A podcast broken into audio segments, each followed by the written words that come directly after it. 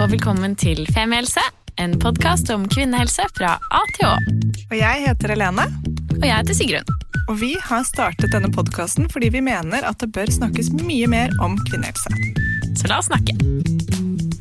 Hallo, og velkommen til denne litt eh, spesialutgaven av Femihelse. Kan vi ikke kalle den for det? Vi kan kalle den for det. Fordi vi spilte jo inn en episode eh, med Torbjørn Bruksten, som vi først kalte fødselsskader. Og når vi hadde lagt den ut, og eh, mange av dere observante lyttere skjønte at dette her handlet jo mer om rifter og Først og fremst om rifter. først og fremst om rifter, så fikk vi en del tilbakemeldinger på som var 'dette er ikke fødselsskader'. Og så var vi for så vidt 100% enig i det, endret tittel på episoden, og gikk litt i tenkeboksen på om vi skulle lage en til episode på dette. Men da var det litt viktig for oss at vi skulle prøve å gjøre det på en måte så ikke alle som har tenkt å få barn eller gå gravid der ute, skulle få helt panikk og fødselsangst og tenke at nå kommer jeg til å få en alvorlig fødselsskade, og begynne å liksom, at vi planter, kjører inception på den tanken. Så vi har fundert litt på hvordan vi skal gjøre det. Og samtidig, parallelt med dette, så tok eh, Judith, eh, som er sekretær i Landsforeningen for kvinner med fødselsskader, kontakt med meg. Eller oss. Og hadde lyst til å fortelle sin historie, og hadde lyst til at vi skulle lage mer om fødselsskader.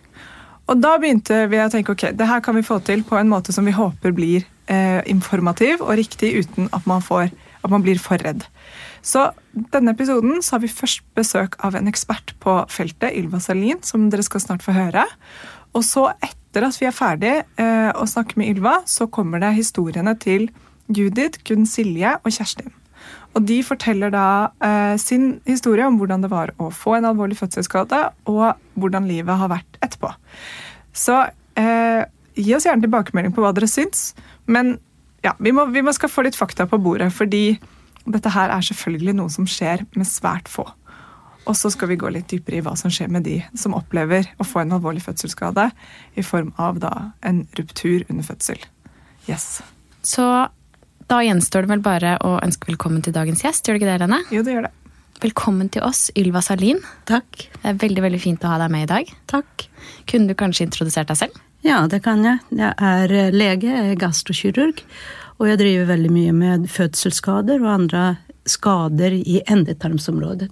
Og jeg jobber på Diakonhjemmet her i Oslo to dager i uken eftersom jeg er pensjonist og jobber ikke med noe annet enn rumper numera. Nei, nettopp. en grei tittel å ha på CV-en. Ja, så kult. Um, og da, det er jo helt nydelig at du kunne komme, at du tok deg tid. Det setter vi veldig stor pris på. Um, så først av alt, hva er en fødselsskade? Og det heter ruptur, men så er det litt forskjellige grader, stemmer ikke det? Jo, det stemmer. Og man, eh, man kan jo revne når man føder barn. Nesten halvparten av alle som føder barn, revner mer eller mindre. Men de fleste revner mindre, dvs. Si bare i skjeden eller i mellomkjøttet. Og så er det et fåtall, 1% av alle de som føder eh, vaginalt eller gjennom skjeden, eh, de får skader av muskulaturen rundt endetarmen. For det er jo bare en 3-4 centimeter fra bakre skjedeveggen til endetarmsåpningen, og derimellom ligger muskulaturen, som da kan revne. Og det anses som en alvorlig fødselsskade. Altså Et par centimeter er veldig lite, da. Ikke et par, men tre-fire, da Ja, kanskje. tre-fire. Mm, mm, det er ikke Så- lange biten. Nei, så Sånn sett er det jo ganske fantastisk at det ikke er flere enn ca. 1% som dette skjer med. Ja. Mm.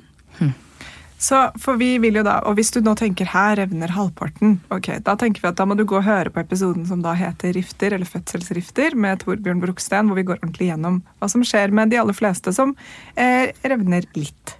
Og kanskje får et par sting.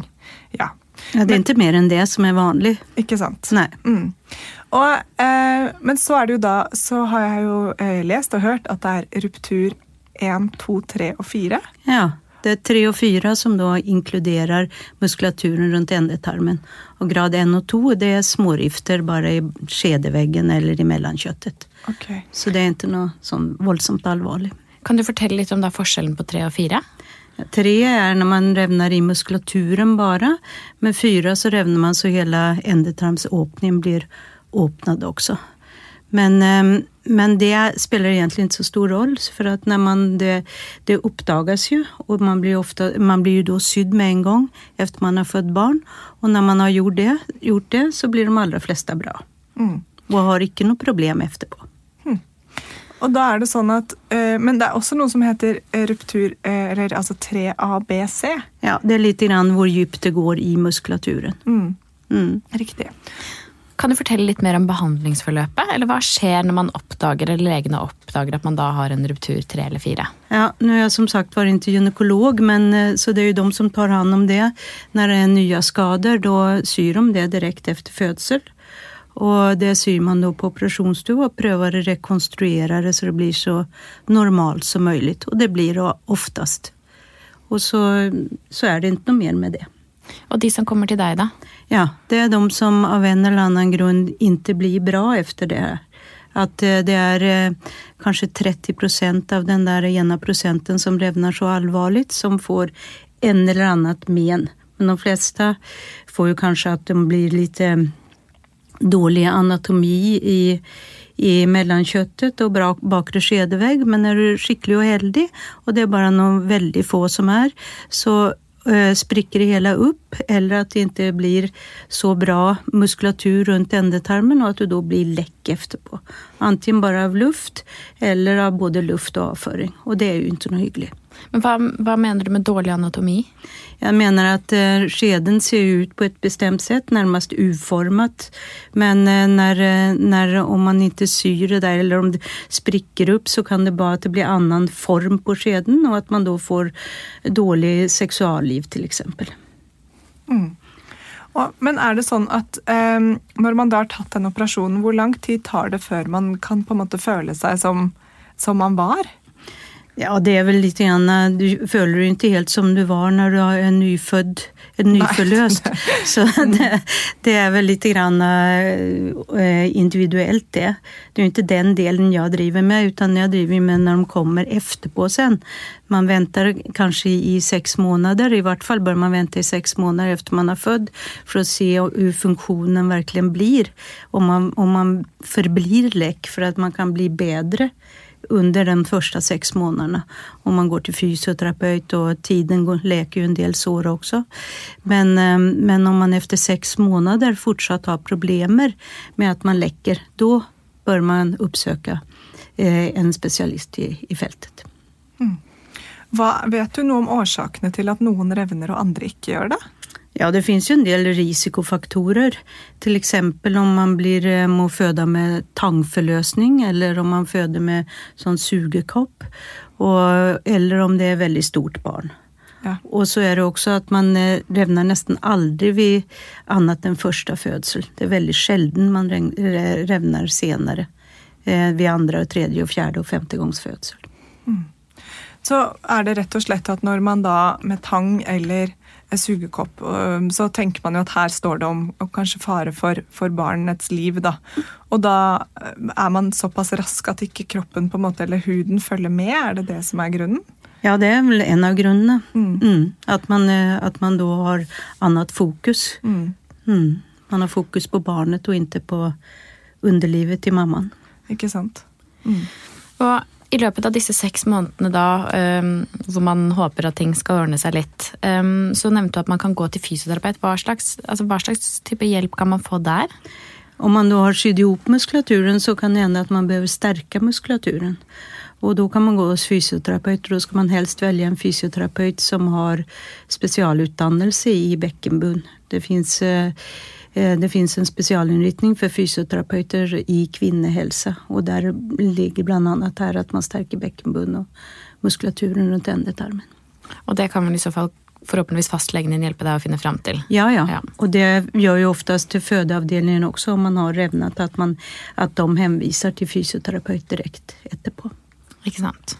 Så hvis man da har opplevd en, en eh, alvorlig ruptur, og man har eh, vært ja, eh, 30% av den ene prosenten som har havnet hos deg, hvor mange ganger, altså Er det sånn at man blir operert flere ganger, eller pleier det å være sånn at da kommer man inn for én sånn rekonstruktiv operasjon, eller er det Ja, Nå er det ikke så at alle 30 behøver operasjon, Nei. Men eh, det kan hende at det, det hjälper med bare fysioterapi eller eh, det, är inte all, det finns mange sett å komme i mål med det her, Men operasjon er en sak og så finnes det andre muskelstimulering og litt sånne saker også. mm. Så eh, Hva var det du sa? At, Nei, hvor mange ganger er det man liksom Pleier det å være sånn at man da tar én operasjon, og så er det OK igjen? Eller blir det liksom Ja, flere det, runder? det er jo det færreste som opereres mer än en gang. Oftest velger man å ikke operere mer än en gang, for det fins andre, f.eks. exempel sån, eh, en slags pacemaker-behandling i endetarmsområdet for å stärka muskulaturen og stärka hele, hele tarmfunksjonen, Som også er en behandling for det her. Å ja. Er Mm. dette noe du opererer inn? Nej, vi, vi gör inte det på Diakonhjemmet men det gör man på en del andra sjukhus, bland annat Ahus og Trondheim og Tromsø. Altså, så mye ting man ikke vet. Pacemaker for underlivet, det er jo Ja. Det er ganske fantastisk. Mm. Og for de som eh, havner der at de må få det, altså, er det sånn at det fins en eller annen form for løsning for de fleste? Sånn at, Ja. ja. Både når det gjelder operasjon, sånn som jag, som jeg gjør, når man rekonstruerer muskulaturen rundt endetarmen og også rekonstruerer bakre skjedevegg om den er dårlig. Og om man, eller om man setter inn en sånn pacemaker så er det de fleste blir bra. Så på lang sikt så er prognosene gode. Ja, Det er riktig å si det, Mm. selv om du har fått en svært alvorlig i hvert fall en tre fjerdedeler blir bra. Ja. Eller bedre. Inte alla blir så som de var innan de hade fött barn, men i alla fall blir de bedre. Kan i hvert fall få en god livskvalitet. eller En bedre livskvalitet. Mm, ja. Ja. det är det man prövar att uppnå. För att ha, en, eh, att ha läckage av avføring og och luft, det gör ju svärt dålig livskvalitet och gör att folk inte kan gå ut och inte klarar att gå på föräldramöten och ingenting sånt. Och det är, ganska, det är, det är väldigt dålig livskvalitet. Men hva kan være den ene fjerdedelen av de som da ikke blir eh, som ikke blir bra? Hva kan være årsakene der? At det rett og slett er for vanskelig å rekonstruere, eller at det er eh, arrvev, eller er det noe annet som gjør det vanskeligere da? Ja, det er mange ulike årsaker til det. Mm. Men, eh, men blant annet de sakene du nevnte der. Mm. Mm. Og er det sånn at man kan oppleve at man har en fødselsskade mange år etterpå? Ja, det er jo sånn at med årene blir jo all muskulatur litt slappare. Och om man da har en, föds, en fødselsskade som kanskje har vært reparert, eller som har vært såpass liten at den ikke behøvd reparer, repareras så kan man da merke det her når man blir eldre i 50-60 års ålder när man har litt dårligere muskulatur. For da har man klart å kompensere for det hele tiden medan man har god muskulatur. Men så når man blir eldre, så, så slår det igjennom, og da kan man bli lekt av. Det er veldig interessant, og det er jo noe For jeg vet at våre lyttere de er jo rundt sånn mellom 25 og et eller annet, altså opp mot 40. Ja, gjennomsnittlig, da. Men for alle dere som hører på og har eh, som er enten som er i den alderen, eller har mødre som er i den alderen, som har hatt en fødselsskade, så er jo det noe å diskutere og snakke om.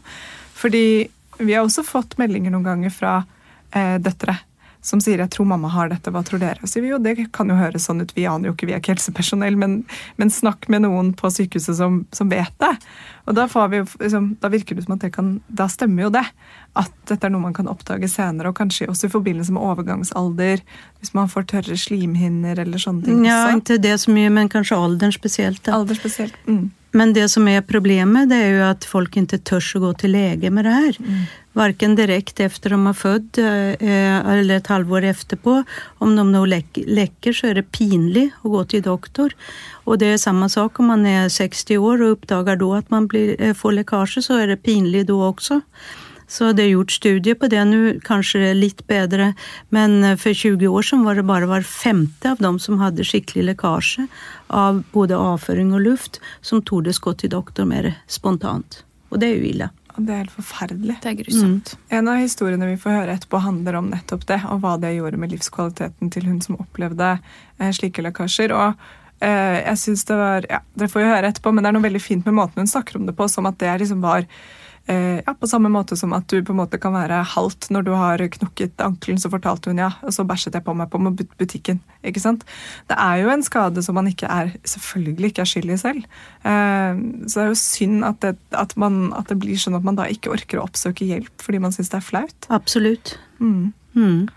Så derfor snakk, snakke sammen om dette. Ja. Mm. Og, så, og så er det litt som vi kanskje har snakket om i flere episoder, om, også med Torbjørn, at hvis du går rundt og kjenner på at ting ikke er som de skal være, altså i hvert fall sånn en god del måneder etter fødsel, da, Ja. av en eller annen art, altså enten om du har smerter eller om lekkasjer eller så, så ta det opp med noen, altså legen din. Ja. Eller nesten litt sånn uavhengig av nivå. fordi hvis du kjenner på at noe er galt, så kan det godt hende at det er noe som kan gjøres. Ja, så man må jo ta det opp med, med fastlegen, og så får fastlegen undersøke, og så eventuelt henvise videre da, til eh, om det er sånn eh, at man er, har lek, lekkasje, så er det jo da en kirurgisk avdeling man blir henvist til. Og om ikke den kirurgiske avdelingen har kompetanse akkurat på det, så henviser de videre til dem som har kompetanse på det. Det er veldig fint. Em, jeg så nå litt på de spørsmålene som vi har fått inn til denne episoden, og vi har allerede besvart en del av de. Um, og det er jo flere som går på dette, altså kvinner som har opplevd alvorlige fødselsskader tidligere, eh, som er redd for at dette skal skje igjen ved neste fødsel. Eh, men da sa du vel at det er ikke så sannsynlig, er det det? Nei, altså om man har haft en fødselsskade tidligere, så er det en viss risiko for at man kan eh, få det igjen. Da kan man undersøke og se hvordan det ser ut og om man har veldig god funksjon, og at man ser på ultralyd at muskulaturen är helt intakt. Då kan man föda på vanlig vis igen. Men om man ser att det ser väldigt dåligt ut och att muskulaturen kanskje er eh, ikke intakt, så bør man være forsiktig, for da det, blir det Om man da revner igjen, med, om man har veldig mye arvforandringer f.eks., så er det vanskeligere å få et godt resultat. Så da føder man med keisersnitt neste gang. Men, men om allting ser bra ut, så kan man føde på vanlig vis. Mm, så bra. Har det kommet inn noen flere spørsmål, Jeg tror vi har dekket de fleste. Ja, Eh, og mye av det går jo på førstegangsfødende som er nysgjerrig på hvor stor sjanse det er for å få en alvorlig fødselsskade. Og det svarte vi også på innledningsvis, at det er jo veldig liten sjanse for å få det. Ja. Og så syns jeg det er fint å høre fra deg nå også at eh, også selv om du har store problemer, så er sjansen veldig stor for at, eh, at det blir bra, da. Ja, ja. Er det noe vi har glemt som du gjerne vil legge til, eller har vi vært igjennom det viktigste nå, tenker du, Ulva? Nej, altså det er jo det. Det er jo en del kvinner som sagt som ikke tør å gå til doktor og så kanskje det tar noen år innan de tør å komme til doktor. og man kan rekonstruere det her eller behandle med sånn pacemaker som vi snakket om også flere år efter man har født barn. Det er ikke någonting som, det er ikke noen tidsfrist liksom. Utan eh, om man har problemer så bør man oppsøke lege og få, prøve å få den hjelp man kan få og få et, en bedre livskvalitet. Det er veldig fint å vite. Så snakk sammen. Snakk med mødrene deres, tantene deres, hvem enn det er. Gå til legen. Gå til legen. Yes. Da eh, skal dere få høre epi eh, historiene til tre kvinner som har opplevd det å få en alvorlig fødselsskade. Så da setter vi over til dem. Og så sier vi tusen takk til deg, Ylva. Det var Takk veldig fint å ha deg på besøk. Takk for at du kunne komme. Mm. Ha det. Ha det. Hei, Judith Melby. Velkommen til denne eh, langdistanseinnspillingen av eh, Femihelse.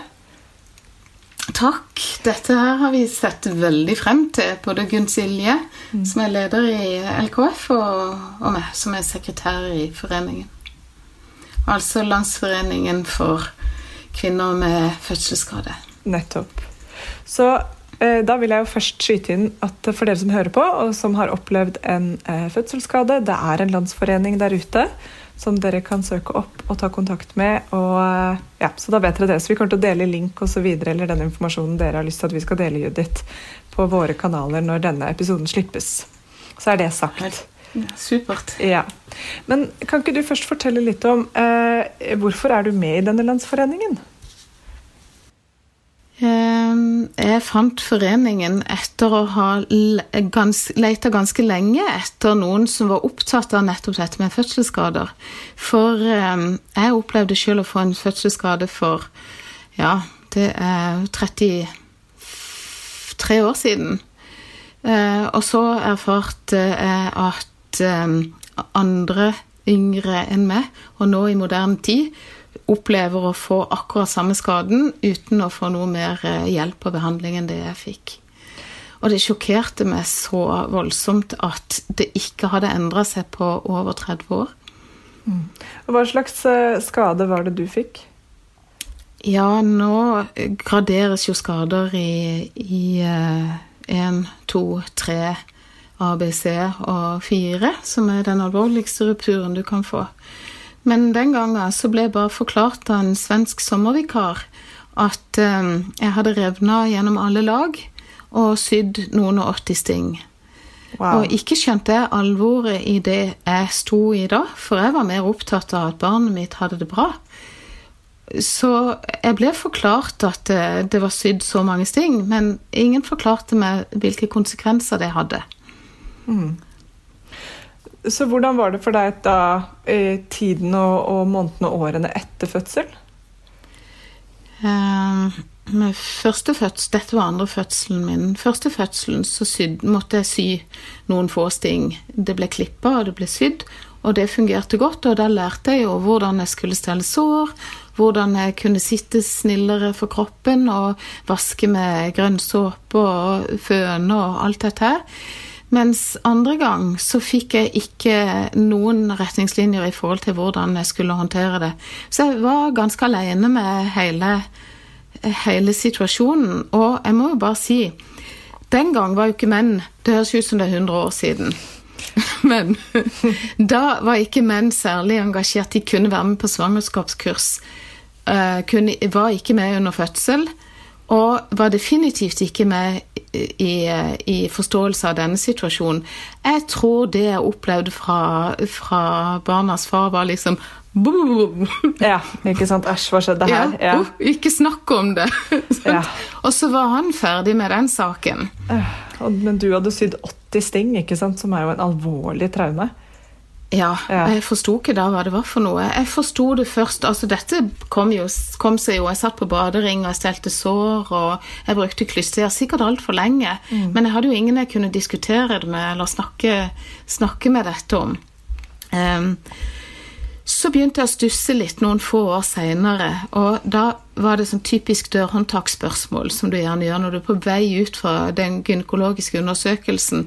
For alle sa 'Å, det ser så det er fantastisk', 'Det ser så fantastisk ut', og 'dette er så bra', og alt dette.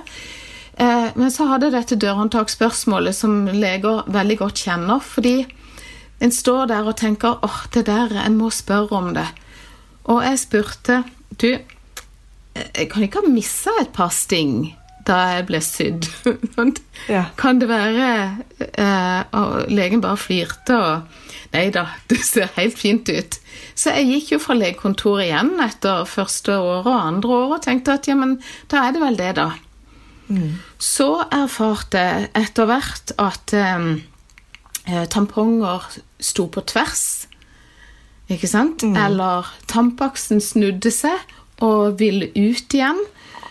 Og etter 17 år så skjønte jeg Og ja, en ting til. Det var det at eh, jeg fikk veldig lett luft opp i skjeden. Bare det å bøye seg fremover og ta et løft, eller, eller bruke beina litt for mye, så åpna eh, bekkenbunnen seg og slapp inn luft. Og det er jo slitsomt å mestre. Det er jo en bagatell i forhold til andre fødselsskader. Men det er uansett ganske slitsomt å kjenne at åh, den lufta må jo ut igjen en eller annen gang. Ikke sant? Så etter 17 år så eh, fant jeg et språk for det, og spurte legen kan dette være en fødselsskade. For fødselsskadebegrepet er jo mer relatert til barnet. Wow. Det er helt Da- utrolig. Ja, så, så, så var det jo klart dette helt klart en fødselsskade. Og så var det rett til utredning på sykehus. Og videre til ble satt opp dato for eh, en operasjon, og dette kaltes da en bakre plastikk, den operasjonen jeg var igjennom. Altså fordi at kjedeveggen skjedeveggen i bakkant har en utposning og har mista støtte at det ikke er vev, ikke sant? og at dette er altså at det er kort avstand mellom skjedeveggen bak og, og tarmsystemet. Mm. Så det forklarer jo liksom den tampongen sin snuoperasjon og var på vei ut igjen. Ikke sant? Så det var problemet. Så var det operasjon fem dager på sykehuset. Og rehabilitering etterpå. Og det, etter det så har ting fungert veldig, veldig fint. Og du har jo også funnet da eh, din passion i å prøve å hjelpe andre eh, som også har vært i, i samme situasjon, både gjennom Landsforeningen, eh, som du jo ble en del av fordi du, du skjønte at kvinner i dag mener du fortsatt ikke får den hjelpen de trenger og den informasjonen de trenger. Og, så har du også et ekstra fokus på trening. Kan ikke du fortelle litt om de to tingene? Jo, for å ta foreningsarbeidet først. Fordi jeg har jo forsøkt å lage meg et eget prosjekt som handler om eh, det opplysningsarbeidet. Mm. Så ble jeg klar over foreningen og havna veldig fort inn som sekretær. Og nå har vi fått rigga organisasjonen veldig godt her på Agder. Så det er en landsforening, vi er helt i starten, vi er små, men nå har vi samla alle kreftene på Agder. Og det er et supergodt forum å jobbe gjennom for det opplysningsarbeidet, til tross for at det nå har vært stoppa litt opp med koronaen. Men i alle fall, vi tenker å bli synlige, og vi er allerede invitert inn til samarbeid med Nasjonalt eh, kompetansesenter for inkontinens og bekkenbunnsbesvær i Tromsø. Mm. Men Er det en landsforening som er i hele landet, og dere er avdeling Agder, eller er det avdeling Agder, og så håper man på at man skal få en større landsforening? Uh, ja, det er en litt kronglete historie. Men vi overtok en landsforening som lå litt, uh, lå litt, uh, med, litt nede. Ja. og tilfeldighetene ville at to av, to, av, de tre som var i styret, bor i samme samme fylke. Skjønner. Ok. Ja. Mm. Så vi tenker at vi skal utvikle landsforeningsarbeidet, men foreløpig så er det mest aktivitet på Agder. Forstår. Greit. Men digitalt så kan vi jo dekke hele Altså vi har jo følgere på Facebook-sidene våre fra hele landet. Ja. Og medlemmer fra hele landet. Ja, så fint. Ja, og den andre delen, det er jo da den eh, treningsdelen. Mm. Eh, siden jeg jobber med pilates, så har jo pilates stor oppmerksomhet til kjernemuskulaturen og til bekkenbunnen. Og da er det jo også tett på det der med rehabilitering etter, etter fødsel. Mm. Og jeg opplever jo at det har vært veldig mye snakk om i forbindelse med fødsel så har fokuset lenge vært på pappaperm, permisjonstid og plass i barnehage. Og hvordan kvinnekroppen faktisk gjennomgår gjennom svangerskap og fødsel, det har nærmest blitt usynliggjort. Det med den belastninga svangerskap og fødsel er på kroppen. Uh, og så tenker jeg at det viktigste vi kan gjøre, det er å si at du må ikke gi opp kroppen din selv om du har en skade. Eh, det viktige er å opprettholde et godt treningsregime, for jo friskere du er, jo bedre rusta er du for eh, rehabilitering og, og, reparasjon. Så det å sette seg til å tenke at eh, nei, jeg venter, for det, der kommer vel en operasjon når jeg er ferdig med svangerskapene mine, eller når jeg slutter å amme Jeg tenker at det da da har du faktisk gjort deg sjøl en bjørnetjeneste. For det kan bli en ganske lang bakke oppover. Å starte med knipeøvelser på muskulatur som har ligget brakk, som du ikke har vært i kontakt med på mange, mange måneder, det er Det ble tøft. Altså Jeg begynner å gjøre knipeøvelser bare du sier det. Altså Mens jeg sitter ja. her nå, så tenker jeg sånn Å ja, søren, det må jeg huske. ja. ja. Vi, vi snakket jo liksom sammen på telefon, og så, og så snakket ja. vi om dette med pilates og trening, og så sa jeg noe forskning viser jo at eller det er en forskningsartikkel som har florert blant annet på NRK, som viser at mm. eh, kun trening ikke liksom har en sånn håndfast effekt. ikke sant? Så snakket vi litt om det. Da syns jeg du også hadde et veldig godt poeng at nei, det alene kommer jo ikke til å fikse deg eller gjøre hvis du har en alvorlig fødselsskade, gjøre deg helt frisk og fin, men at en sterk og sunn kropp er viktig som et utgangspunkt og kan hjelpe deg i rehabiliteringen. Ja, mm. nemlig. For ikke alt kan knipes bort eller trenes bort, men du er bedre rusta når det gjelder den totale rehabiliteringa. Mm. Mange tenker på kroppen sin som en bil. ikke sant? Det er en del, og den kan skiftes ut, eller den skal jeg fikse da. Mm. I stedet for å tenke at organisk og tenke at det er en helhet. Altså vulva henger sammen med vagina, som henger sammen med bekkenbunnen, som henger sammen med bukhulen, som henger sammen med diafragma. Og plutselig så har du altså hele kroppen involvert i den eh, for, for å avhjelpe denne situasjonen. Og jeg tror òg veldig mange Jeg hadde et lite notat her i sted. Mm. Og det var rett og slett det at um, eh, mange diffuse og typiske kvinneplager kan gjerne stamme fra bekkenet. At de har sin årsak i det. Altså bekkenløsning eller langvarige smerter i bekkenet kan gjerne komme av at bekkenet under svangerskap eller, eller um, fødsel har fått en skade som ikke har blitt oppfanga og rehabilitert. Og dermed så får den konsekvenser i, når det gjelder Altså får, uh, ja, får konsekvenser for både holdning og utvikling av, følgeskader, rett og slett. Mm. Så hvis du skulle gitt et tips, hvis det er noen som sitter og hører på nå, de har gått igjennom en fødsel som ikke gikk slik de håpet, og de endte opp med en alvorlig, alvorligere fødselsskade, alvorlig fødselsskade. Hva ville da, eh, For deg som har vært igjennom det, da, hva ville du mm. anbefalt da? Ja, jeg tror ikke jeg kan bruke min egen erfaring som mm. eksempel. For det, eh, det har jo gått noen år. Men jeg har jo vært tett på andre da, som har født og fått ska omfattende skade. Og da er det kjempeviktig å ha noen der som en kan diskutere ting med, og noen som kan følge deg opp og pushe deg litt på og motivere deg til å bruke det behandlingstilbudet, og oppsøke det behandlingstilbudet som fins.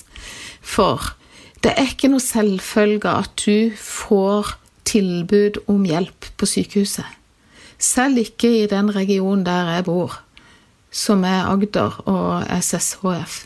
Selv der så svikter det på Er du ikke der den dagen eh, fysioterapeuten er der, eh, så med kort liggetid så er det jo god sjanse for at du ikke blir fanga opp, eller du kanskje ikke orker, eller det er ammetid akkurat da.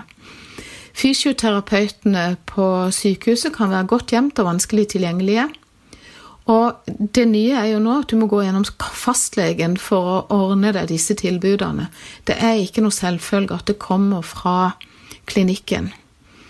Ofte så blir en, bedt, så blir en invitert til samtale med enten fødselslegen eller jordmor etter fødselen, og ikke alle er like flinke til å informere om eh, tjenestetilbudet de har. Og en annen ting er at, som jeg sa helt i starten, det kan være vanskelig å motivere seg til å ta kontakt, fordi at det er traume å være igjennom en fødsel med en alvorlig skade. Og mange vegrer seg for å De orker ikke snakke om det. Så det er altså den psykiske delen. Mm. Og dette her er noe vi har sagt om i Femihelse før, nettopp det med traumer eh, etter fødsel, og at en tredjedel av alle som har født, opplever jo eh, fødselen sin som, som traumatisk, som, som, noe skummelt som de husker tilbake på som en, eh, en ikke nødvendigvis bare vond opplevelse, men i hvert fall en traumatisk opplevelse som har satt et støkk da, og et sjokk. Mm. Og, og det vi alltid snakker om da, er jo nettopp det du sier her. Det å orke å prate om det, det å gå igjennom det, det å oppsøke sykehus og be om å få en gjennomgang av epikrisen. Eh, eller snakke med noen som var til stede under fødselen. Hva, hva mener du skjedde? Hva, hva, tror du at skjedde? Hvorfor skjedde det? Var jeg, var jeg og barnet mitt i virkelig liksom Holdt jeg på å dø? Holdt vi på å dø? Og gå gjennom de tingene for å på en måte bearbeide det. fordi det er jo virkelig en stor, eh, en, et, en, en stor ting for kropp og, og, ikke minst hode å gå igjennom. Um, og det er interessant at du sier det også når det kommer til disse fødselsskadene og det å, å, prøve å fjerne liksom Det er jo tabu for mange. Um, men jeg syns det er så synd, for det, det, gjør jo selvfølgelig at man lever lengre med skadene enn kanskje nødvendig. Mm. Mm. Min, min uh, egen skade er jo et veldig godt eksempel på det. Ikke sant? Ikke sant? At det gikk så mange år før jeg skjønte at eh, dette, må, dette, kan jo ikke det, kan jo ikke det skal jo ikke være sånn. Nei, det skal jo ikke være sånn. Jeg har, eh, jeg har ganske mange kvinner som kommer til meg i løpet av uka og trener og jeg misjonerer jo, for å si det. Jeg snakker om bekkenbunnen hele tida, og jeg instruerer knipeøvelser hver eneste dag. Og ikke bare knipeøvelser, men aktivering også av bukhul og diafragma. Og alt som sant, henger jo sammen med alt. Men det er så viktig å senke terskelen for å snakke om disse tingene. Og jeg har opplevd at mange kommer til meg og sier du vet hva, jeg gjorde det du sa. Jeg gikk til legen min. Altså Kvinner i overgangsalderen som plutselig opplever at oi, nå plutselig så kommer den fødselsskaden til syne. Er det det som er en del av, av, av overgangsalder? Ja. Kommer til meg og sier at eh, nå har de tatt tak i ting, de har snakka med legen, de har fått henvisning, og jo, riktignok, der lå der en skade som de ikke eh, var klar over. Det er jo ja, wow, altså. Ja, og jeg anbefaler ofte også det, og det skriver jeg også i, på blogg om, at um, hvis fastlegen ikke tar tak i det og henviser deg videre, og bare sier nei, nei, nei, det ser så fint ut at her er det ingen grunn til bekymring, så få en second opinion. Gå til en annen, ikke vær så lojal mot fastlegen din. For dette vet de veldig lite om. Dessverre så er det sånn. Ja, ikke sant? Mm. Nei. Og man er ofte så redd for de autoritetene og har så respekt for de at når de sier det er sånn, så er det sånn. Ikke sant? Ja. Tusen takk, Judith. Det var kjempefint at du kunne være med og fortelle din historie om Landsforeningen i dag. Jo, mange takk for meg. Jeg syns det var strålende at vi ble fanga opp, og at vi fikk gjøre synlig gjennom Femihelse. Og vi er jo stadig Vi diskuterer jo stadig de samme tingene i foreningen som det dere tar opp. Ikke sant? Så vi eh, følger dere på alle kanaler. Ja, det er så hyggelig. Så bra. Takk skal du ha. Ok. Dere er flinke. Takk. Ha det. Ha det. Så vi, denne episoden her, for alle dere som hører på, vet jo at den er litt spesiell. Den er sammensatt av tre historier eh, fra kvinner som selv har opplevd fødselsskader. Og så i tillegg så har vi med en ekspert. Og eh, Gunn Silje, kan ikke du presentere deg selv litt? Du er da er du leder av Landsforeningen? Ja, nå er jeg leder i Landsforeningen for kvinner med fødselsskader. Og det har jeg vært siden høsten 2019. Og hva var grunnen til at du ble eh, medlem der? Jeg leita lenge etter hjelp, for jeg opplevde selv en fødselsskade etter min første fødsel i 2013. På min førstefødte. Og det var ikke noe å oppdrive. Ingenting å finne, som jeg fant. Og da fant jeg en sånn Facebook-gruppe, da. Etter hvert. Og så kom jeg i kontakt i hun som, med hun som var leder da. Og så ble jeg med i styret etter hvert, som styremedlem, da. Og du opplevde da en fødselsskade. Kan du fortelle litt om den? Ehm, Etter en lang fødsel så måtte de til slutt ta dattera mi med tang. Eh, og når hun da kom ut, så hadde jeg da revna helt opp til tarmene, altså grad 3C. Så grad 3C. Fordi det er grad 1, 2, 3 ABC Og 4. og 4? Ja, ja. det er det. ja. Så det er jo en alvorlig fødselsrift, og det er jo en veldig stor ting. Og det som var med meg, var det at de oppdaga ikke skaden riktig. De sydde meg feil. Aha. Ja, eh, og det var det som skjedde, at jeg blødde så mye at de bare trilla meg fort opp på operasjonsstua, rett i narkose, rett etter hun var tatt ut da, med tang. Eh, og når jeg da våkna opp igjen, så hadde de jo sydd meg, og fikk beskjed de hadde sydd et par pyntesting, og jeg tror de hadde sydd 69 sting, da. Å, fy fader. Ja, så det var, det var så smertefullt eh, etterpå. Men jeg hadde ikke født før, så jeg visste jo ikke. Eh, mista mye blod og var jo veldig, veldig skjør. Eh, jeg husker jeg sa liksom jeg kom ned på barsel, da, for jeg lå jo noen dager der. Ja, det er litt sånn, det lekker litt eh, Når jeg reiser meg, føler jeg liksom sånn, det er så vondt. Jeg skjønner ikke, skal det være sånn, liksom? Ja, ja, man lekker jo litt når man er født, liksom. Er du har jo akkurat født. Ja, men liksom, skal det være så vondt? Ja, det er jo vondt øh, når man er født, liksom. Så jeg føler liksom at jeg ble liksom bare dyssa litt, litt ned, da. Hele skaden. Og da hadde de jo sydd meg i ganske lang tid, de, men de hadde sydd feil. Ja. Følte, fikk du noe sånn Var det noen som satte seg ned med deg og, og forklarte hva som hadde skjedd under fødsel, og hva slags operasjon du hadde vært igjennom, og hva du kunne forvente deg videre?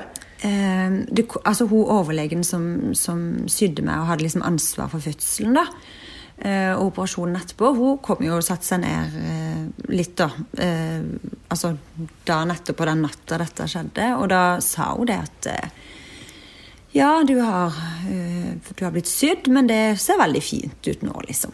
Ja, eh, Du mista mye blod, så jeg fikk jo blod da i tillegg. Og det var det jeg egentlig fikk eh, greie på sånn som jeg husker der og da. Min mann var jo ved siden av meg hele tida og var på samme rom. Fikk lov å være der siden jeg var så dårlig. Og stelle dattera vår og sånn. Så han sa det var jo det de sa. De sa ikke at jeg hadde fått en fødselsskade. For jeg tror ikke de hadde oppdaga det da. Men er det ikke automatisk en fødselsskade når man revner til tarmene? Jo, men jeg tror ikke de oppdaga det, på en måte. De sydde oh, ja. meg liksom bare litt sånn uh, utvendig, hvis en kan si det sånn. De har jo sydd innvendig òg, men de har på en måte sydd feil.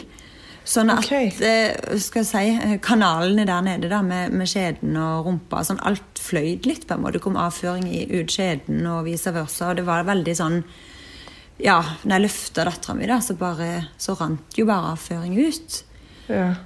Og det skal jo ikke være sånn, men jeg visste jo ikke da. Jeg prøvde liksom å si ifra sånn Ja, skal jeg ha det så vondt? Og skal jeg liksom Jeg klarte jo ikke å sitte på et år, nesten. Altså, Jeg måtte jo ha med meg sånn pute, sånn rund badering. Som jeg hadde under vogna i et helt år etterpå.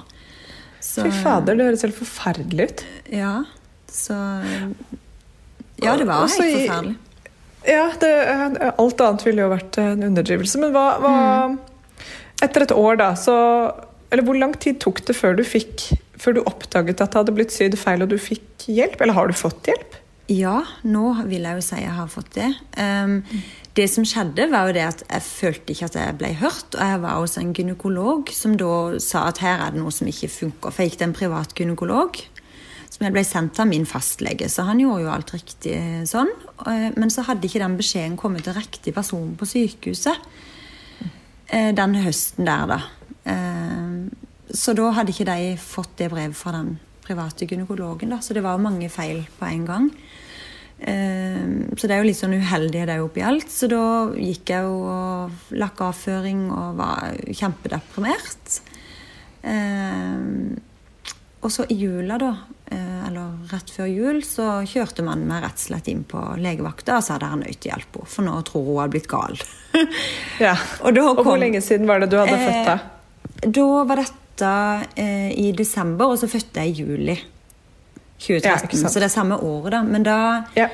da fant jeg jo ut etter hvert at eh, ja, det er jo psykisk òg, men det er jo ikke så rart det blir det noe bare lekker, liksom. Så da ble jeg jo liksom litt trodd, da.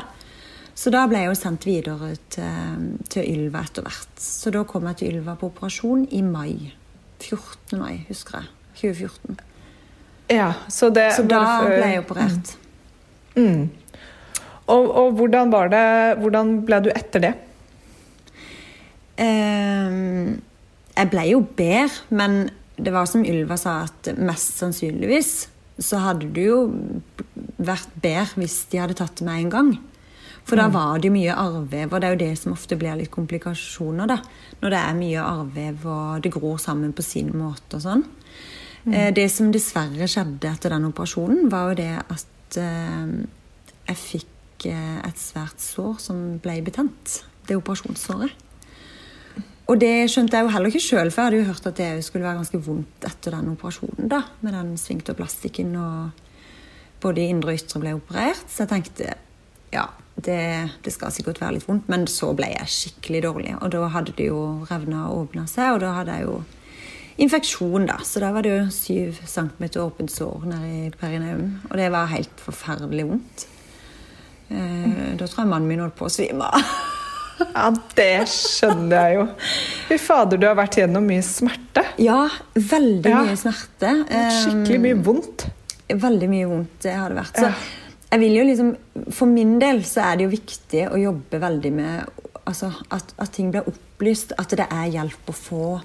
At vi fins. For det var ikke Ja. noe som Jeg hadde ingen å rådføre meg. Det var ingen legepersoner. Det var ingen helsepersonell som var spesialister på det. Antel og Ylva da, hun har jo hjulpet meg utrolig mye. Ja, Ylva Salin. Mm. Ja.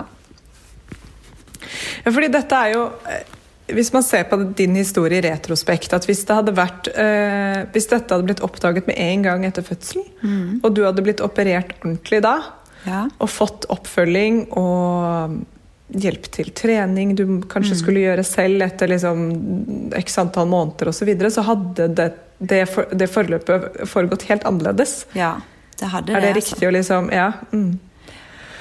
Og det er jo frustrerende. Og så kan du jo ofte skje feil på sykehus. Eller kan, ikke ofte, da, men det kan skje feil. Og spesielt i sånne kanskje litt sånn kaotiske situasjoner med et nytt baby og en traumatisk fødsel og sånn. Men det er jo ja, Det er jo forferdelig at det går liksom så lang tid, og du må hele tiden kjempe for å vise at dette her stemmer ikke. Ja, og så følte jeg meg så- altså, jeg tror, Og det er det mange som sier òg. Vi blir ikke trodd. Det er ingen som tror på meg, for du, det er ingen som tror på meg, og det går så utrolig igjen hos, hos eh, andre som ringer oss da, for å få hjelp. Og så er det jo i tillegg den kampen med systemet. ikke sant? For min del så kom jo ikke jeg til Alva før i mai. Og jeg var jo på legevakta i desember. Men mellom der så blir jeg sendt til fysioterapeut, så du driver og kniper og har masse sånn ledninger, og du skal knipe, og du skal ja, virkelig styre. Ha en sånn eh, ledning der på leggen, som liksom skal styrke lukkemuskulaturen, og du skal trene hver dag. Og det er jo en veldig sånn Det blir jo veldig altoppslukende, for det er jo liksom det det går ut på, da. Altså jeg kjenner at jeg får tårer i øynene. Den, den, det å ikke bli trodd gjennom Ja. det, det du gikk igjennom, eh, er jo en sånn ekstra belastning som er så jævlig urettferdig. da. Og så utrolig Ja. lite riktig. Ja, og, og så tror jeg det psykiske òg, for det er jo det jeg er litt opptatt av. For jeg ble så syk psykisk. For jeg ble jo så redd for å gå på butikken. ikke sant? For jeg bæsja på meg på Kiwi. ikke sant? Det, det er veldig mye sånne ting som når du har hatt noen sånne opplevelser, så gjør du det bare ikke igjen. Du får angst. Jeg gikk jo ut uten en svær eh, bag med bleier til meg sjøl. I tillegg skal du jo liksom ha dette her nye barnet og være glad, alle er så glad, og man må være så glad, for hun er jo frisk, ikke sant? Men hva med mor, da, oppi alt? Det, det er det som jeg syns har vært liksom det verste. Det skjønner jeg så godt. Men så hva hvis noen som sitter og hører på nå eh, Vi kommer jo til å ta litt sånn statistikk selvfølgelig på hvor mange dette skjer med i Norge osv. Og, Ja. og hvor mange som faktisk blir helt fine etter første operasjon. Bare sånn at vi ikke skremmer vannet av alle som lytter akkurat nå. Nei, nei, nei. Men hvis, du, hvis det er noen som hører på, og som Ja. kjenner seg igjen i din historie, og, og ikke har fått den hjelpen de trenger, hva ville du anbefalt dem å gjøre da? Um, I dag så um, ville jeg anbefalt dem å ta kontakt med oss i LKF. Og der står det jo telefonnummeret til likepersoner, også i styret, som de kan ringe og få hjelp til med en gang. Ehm, vi eh, har jo taushetsplikt, så vi kommer ikke til å fortelle det til noen. Eh, vi kan hjelpe dem med råd, hjelpe dem med hva de skal gjøre videre. Ehm, jeg tror det verste for folk er jo å si det. Og når du da har sagt det, så er det jo det å ikke bli trodd, ikke sant? Men tar de kontakt med oss, så blir de jo trodd. Og det tror jeg er så utrolig viktig. Når de ser den brosjyra eller de ser på nettet at det finnes faktisk det finnes en Facebook-gruppe når vi søker på fødselsskader. Det er så utrolig viktig å være synlig. Og det er det vi har lyst til å få til med denne foreninga. At vi må være synlige. Og da er det også sånn at Jeg skjønte at dere har en, en åpen Facebook-gruppe, og så Ja. har dere en lukket en. Hvor man Ja. kan være mer hva skal si, diskré, så ikke alle ser hva man skriver på veggen. på en måte. Ja, og der kan det jo være litt informasjon. Man kan spørre er det noen som har noen tips til noen bra gynekologer. Eh, Ylva Salin er jo nevnt der en del ganger. Eh, er det noen som har noen tips? For ikke sant? Mange har jo økonomiske problemer. De får ikke jobbe, de blir uføre. ikke sant? Eh, og da er det jo liksom å hjelpe de litt videre, da. Altså, Blir det tilsynssak på sykehuset? Skal vi hjelpe deg med pasientskadeerstatning, f.eks.? Det er jo mange ting man ikke vet om som man har rettigheter på. da. At man kan f.eks. få igjen permisjonen sin hvis man er syk sjøl under eh, barseltida. Og det, synes, det var ingen som sa det til meg. Så eh, sånne ting. Sånne småting som, eh, ja, som betyr Ja. veldig mye for den det gjelder. Ikke sant? Så rett og slett et nettverk av andre kvinner som har gått igjennom det samme, og kan Ja. gi deg på en måte de tipsene man selv skulle ønske man hadde fått. da. Absolutt. Ja, så for en fantastisk ressurs. Ja, tusen takk. Så vi håper virkelig at vi blir store og sterke. Og det som jeg noen ganger har lest i avisene, for det er jo sånn at mange år på rad så ble jo liksom Norge kåret til liksom det beste landet å være nybakt mor i. Og før tenkte jeg ja, det er jo helt fantastisk i Norge. Men nå, for meg, så virker jo ikke den statusen da helt forenlig med hjelpen du får. Det tenker jeg da. Altså, hvis du blir skada i, i henhold med fødsel. Og det er det jeg tenker på, at vi må jo bli stilt på lik linje med andre mennesker som har skader. Ja, og det, det var det samme som det, det, er jo det som Hvis jeg hadde havnet i en situasjon som medførte nesten 70 sting, ja. så ville oppfølgingen og rehabiliteringsplanen etter det mest sannsynlig vært ganske strømlinjeformet. Mm. Kan jeg finne på dette? Jeg har heldigvis aldri sydd 70 sting, men, men en skulderoperasjon for eksempel, eller en kneoperasjon har mm. veldig ofte en plan for deg. Mm. For hva som skal skje, og hva man skal sjekke opp. Um, treningsprogram, og man er tilbake og liksom har alt blitt riktig. Og det mm. kan skje feil der òg. Men det virker som at, uh, det er litt annerledes når det kommer til fødsel, uten at jeg er helt sikker på det. Ja, Men jeg, jeg tror du har veldig rett, og det som jeg tenker på, at det er ikke liksom å skvette litt heller. Dette er jo snakk om alvorlige lekkasjer. Det er sånn at Når du løfter barnet ditt, så, så renner det avføring ned beina dine. Du kan ikke nyse, for da kommer det avføring. Og det er jo det er kjempeille med urin òg. Men, men, avføring er liksom Det er ikke ok å snakke om for de fleste. Det er så Nei. utrolig kjipt å prate om. Og det er det som er jo Jeg husker jo jeg er jo liksom åh, du, du, har jo ikke lyst til å si det til noen, hva du feiler. Altså, nei, og Vi mennesker er liksom litt rare der. fordi hvis, hvis, noen forteller en litt sånn morsom historie at de lo så de tissa på seg, så ja. kan vi liksom ha, herregud, du er så uff da. ikke sant? Ja. Men hvis noen forteller sånn nei, jeg lo så jeg bæsja på meg, så blir det litt sånn oi. ja. Det var uh, litt too much information. Så det er, jo, det er, jo, et eller annet rart oppi våre hoder som mennesker tenker at det, er, det er liksom mer tabu med avføring enn urin. Um, ja, Sikkert masse grunner til det også. Men det er uh, og dette føler jeg vi kommer tilbake til hver eneste gang i Femihelse. At det å orke å prate om ting, uansett hvor bokstavelig talt dritt det er, mm. jo bedre får man det. Og så får du høre om andre ja. som er i samme situasjon, og som kan komme med sine råd og tips. Og så får du en, en form for medfølelse og sympati som regel, da. Som man kanskje ikke hadde forventet en gang å få. Nei, og så er det jo så usynlig òg. Det har vært veldig mye snakk om det òg i avisene, det der med psykisk helse. Men den er jo vel så viktig for, for disse barselkvinnene som er så eh, hormonelle og dårlige og syke. Ikke sant? Og, og, det er ikke noe du kommer deg opp fra heller. Jeg tenker òg samliv. Det er jo mange yes. som ikke klarer det i samlivet etterpå, at det blir for tøft. Det er så mye smerter, og det er så mye vondt forbundet med underlivet at, at de kommer ikke videre. Det stopper folk fra hverandre. ikke sant? Det er, det er en sånn grunnleggende ting da, i forholdet som ikke du som ikke du kan ha mareritt. Ja, ja, et mareritt. Og det er, vi snakker veldig ofte også om det der med, med eh, kvinnesykdommer som ikke er som såkalte blålyssykdommer som du ikke dør av, mm. men som på en måte bare forringer livskvaliteten din så kraftig. Mm. Og det gjelder selvfølgelig menn også. Men det virker som at vi kvinner har en del sånne ekstrating, spesielt i forbindelse med fødsel da, mm. eh, og graviditet, som gjør at, at, livskvaliteten blir nedsatt. Men du lever jo. Mm. Så det blir ikke prioritert på samme måte som hjertesykdommer eller lignende. Det, men det, en, det, kunne vi laget en lang episode på, men det skal vi ikke gjøre akkurat nå. Men det er mange mørketall, og det er jo det som er. Du kan jo tenke generasjonene som har vært før oss, da. Da ble det sikkert i hvert fall ikke prata om. Nei. Eh, jeg hadde jo sjøl ikke hørt om så alvorlige fødselsdrifter når jeg fødte.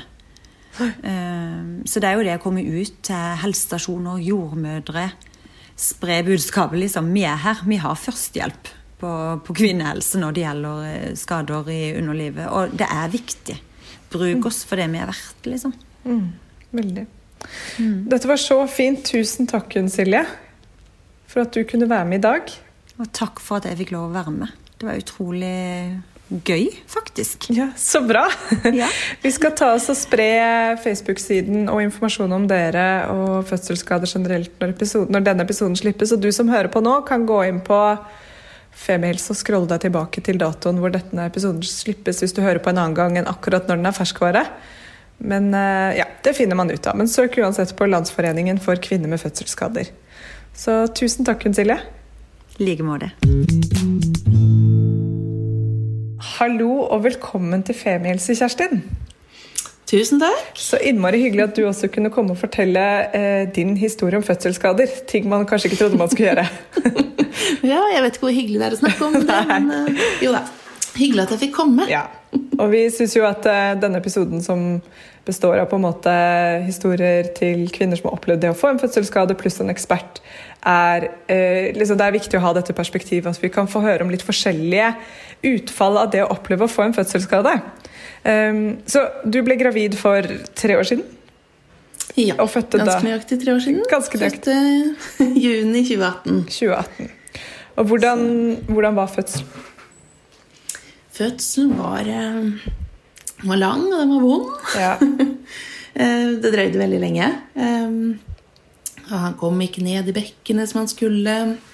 Det var, eh, tok veldig lang tid. Og til slutt så ble det bestemt at jeg skulle få epidural. Fra det jeg ble bestemt, så tok det fire timer før jeg fikk den. Herregud. Det var vel de lengste, lengste fire timene, tror jeg. Eh, til slutt så satt jeg med epidural i ryggen og drypp i armen og hoppa på en ball og gudene vet. Eh, Han kom fortsatt ikke ned i bekkenet. Så var det snakk om vakuum, men eh, endte med at jeg skulle prøve å presse, så jeg fikk eh, pressa han hele veien. Og det gikk jo for så vidt bra. Det var veldig mange mennesker inne på den fødestua på slutten der. Da hadde jeg jo hatt rier i nærmere 30 timer.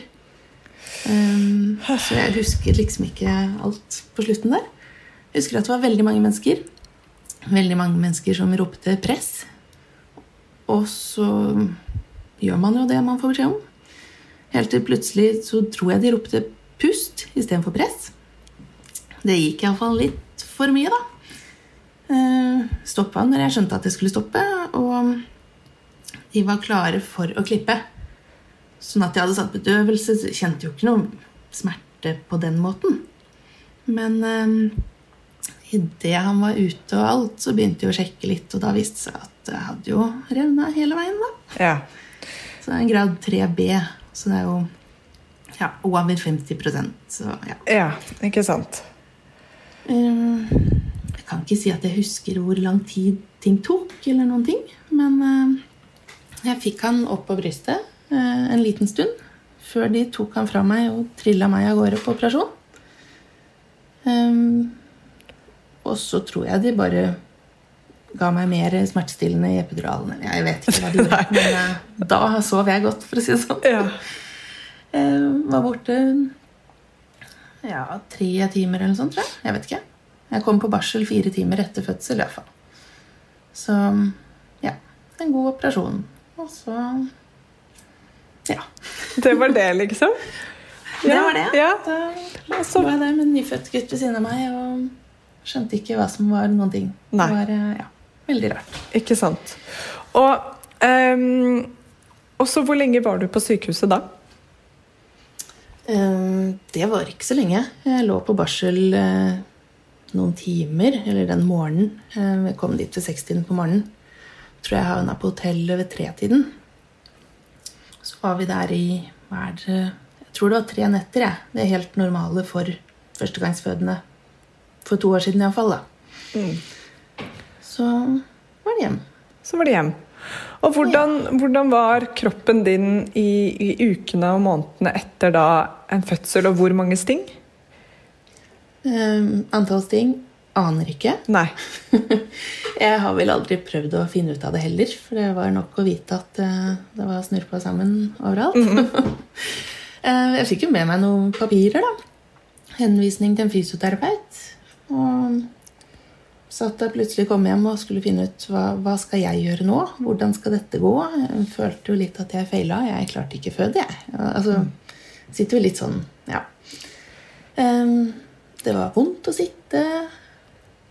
Men på den annen side så hadde jeg jo ikke noe å sammenligne med. Jeg hadde ikke en normal vaginal fødsel å sammenligne med. Eh, Og det kanskje var bra. altså, ja, Så mannen min løp ut og kjøpte en badering. Jeg prøvde å sitte på den. og Ja, vi prøvde alt mulig rart. Men eh, ja, jeg vet ikke. Det gikk noen dager og små trilleturer etter hvert, og det gikk jo egentlig ganske greit. Det verste var den følelsen at å ja, jeg skal jo til fysio, men når? Hvordan, hvordan skal jeg komme dit? Liksom.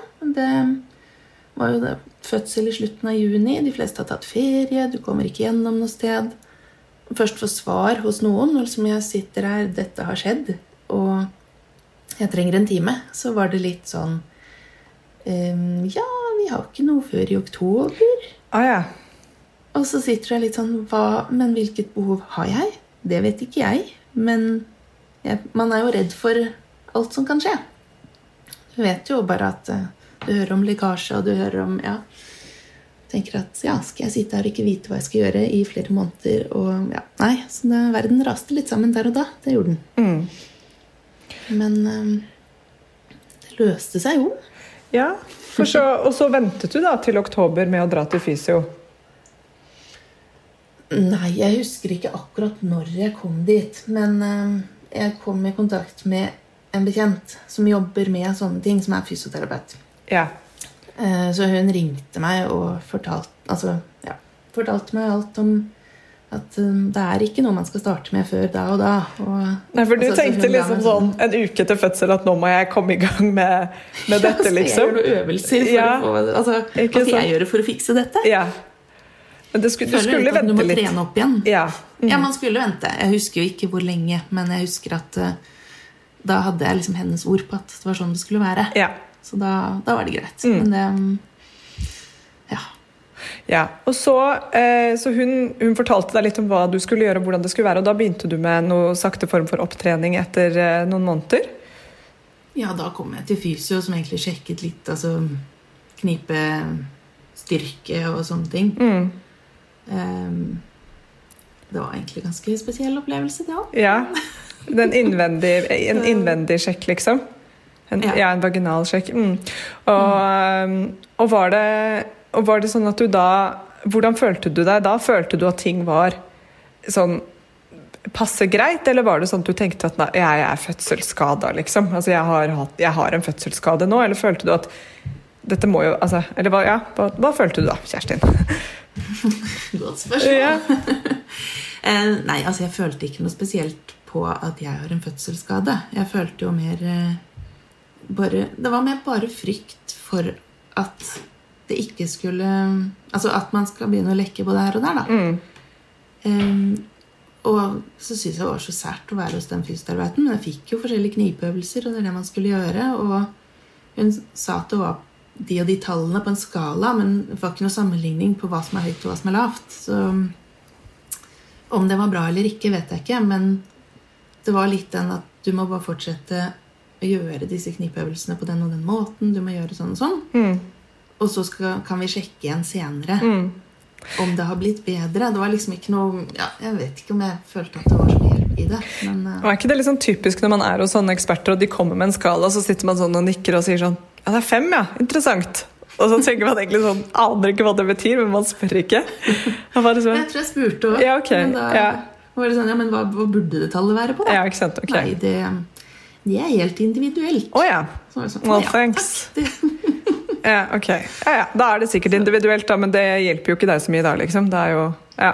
nei, men så hadde hun også fokus på at altså, det som er viktig, er jo at du føler at ting er greit. ja. Og det er jo veldig sant, fordi hvor hardt andre kniper der nede, er egentlig helt irrelevant. Mm.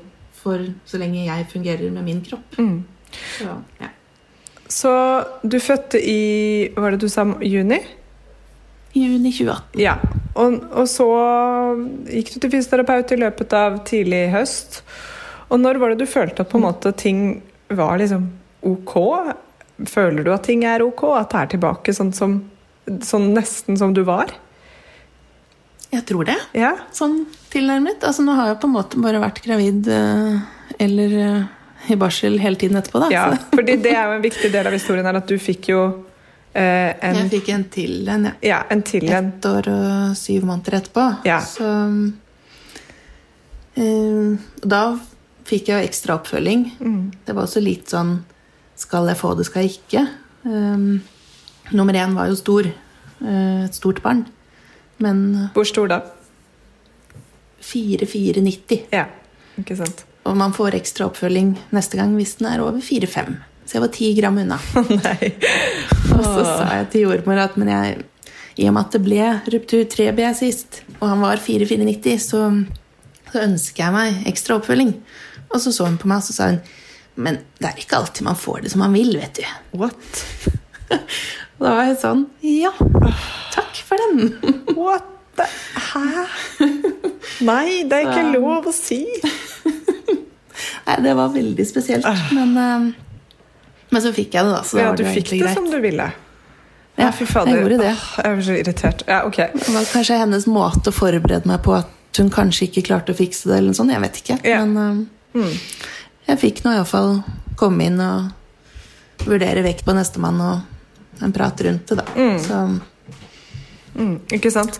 Men, men eh, ja, fordi det, det jeg liksom leter litt etter nå, er på en måte hvordan du føler deg i dag. Og om du føler at du har eh, Du føler at du er liksom på plass igjen, og at eh, det kan gå bra også når man opplever å få en sånn alvorlig fødselsskade.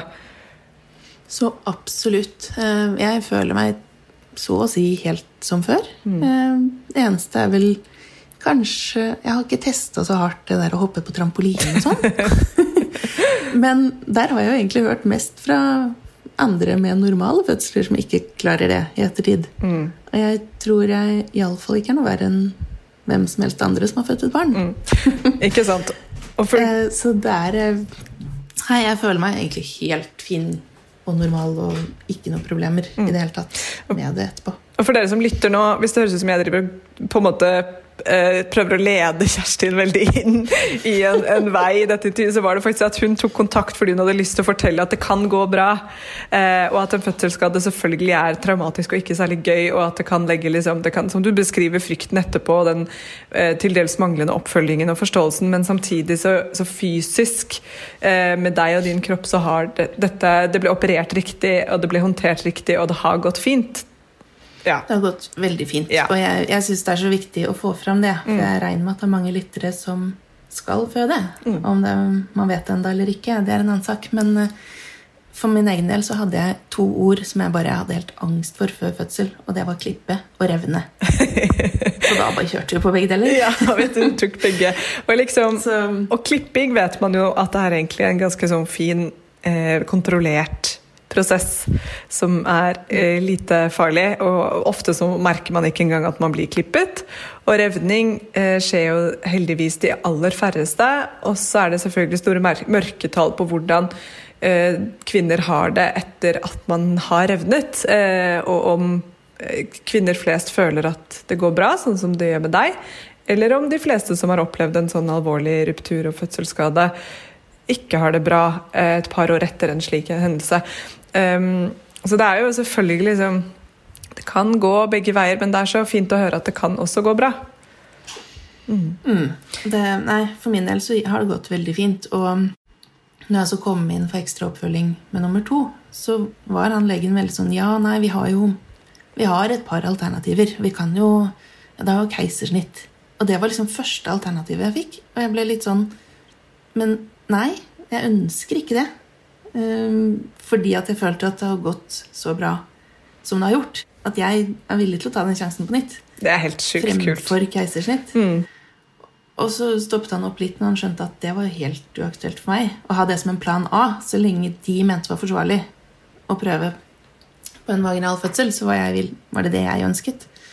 Så da ble jeg istedenfor satt i gang i uke 38 Ja. for at han nestemann ikke skulle få lov til å bli altfor stor. Fordi jeg har det tydeligvis litt for godt inni magen. Koser seg på hotell. Ja. Barselhotell. Oh, yes.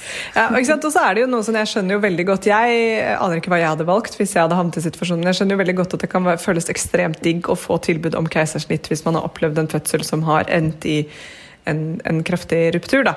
Eh, Så, så jeg har full respekt for de som tenker at åh, nestemann, det blir keisersnitt, for det, jeg gjør ikke det der en gang til. Eh, og så er det andre som deg som tenker at jo, jeg er keen på å prøve å få, liksom, gjøre det uten ruptur denne gangen og se om, det, om jeg får det til. Eller ikke får det til, da. Ja, ikke sant? Ikke klarer det, for det er jo kroppen, liksom, men at, det går, at, at naturen eh, vil, vil deg vel, da.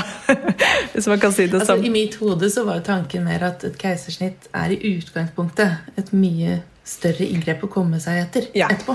Ikke sant? Eh, og derfor så ønsket jeg Altså hadde jeg en drøm om å få lov til å få det barnet opp på brystet etter fødsel. Ja. Og få bli der. ja. Ikke sant. Kjenne på den følelsen. Og det fikk Så du.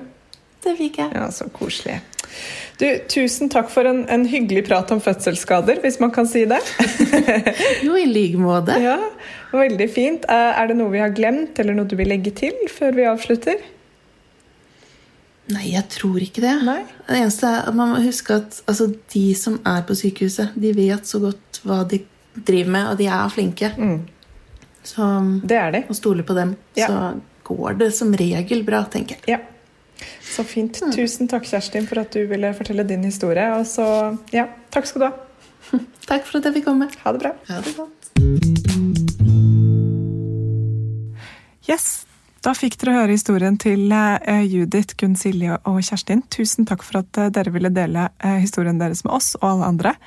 Det, er det setter vi veldig pris på, og håper at dere også setter pris på det.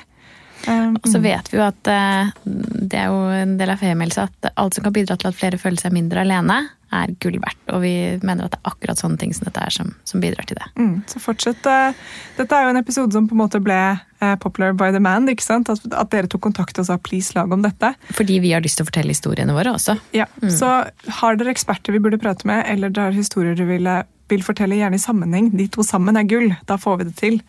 Ta kontakt. Og så hørte dere jo om eh, To av de vi snakket med i dag, er jo fra eh, Landsforeningen for kvinner med fødselsskader. Det er en landsforening du kan melde deg inn i hvis du selv har opplevd en alvorlig fødselsskade. Så eh, sjekk det ut. Vi kommer til å dele info om det på Instagram og Facebook. Og tusen takk for at du hørte på. Tusen takk. Ha det bra. Ha det. Tusen takk for at du hørte på podkasten vår. Selv om det forhåpentligvis kommer tydelig frem, så vil vi understreke at vi ikke er helsepersonell. Ja, så Som vanlig, kontakt legen din om du har noen spørsmål eller om du skal begynne på noen form for behandling. Og har du et tema som du har lyst til at vi skal snakke om, eller noe ris eller ros, så send oss gjerne en melding på Facebook eller på Instagram. Der finner du oss under Femihelse. Og du kan gjerne rate oss på iTunes. Det er skikkelig hyggelig for oss. Ha en fin dag! Ha en kjempefin dag.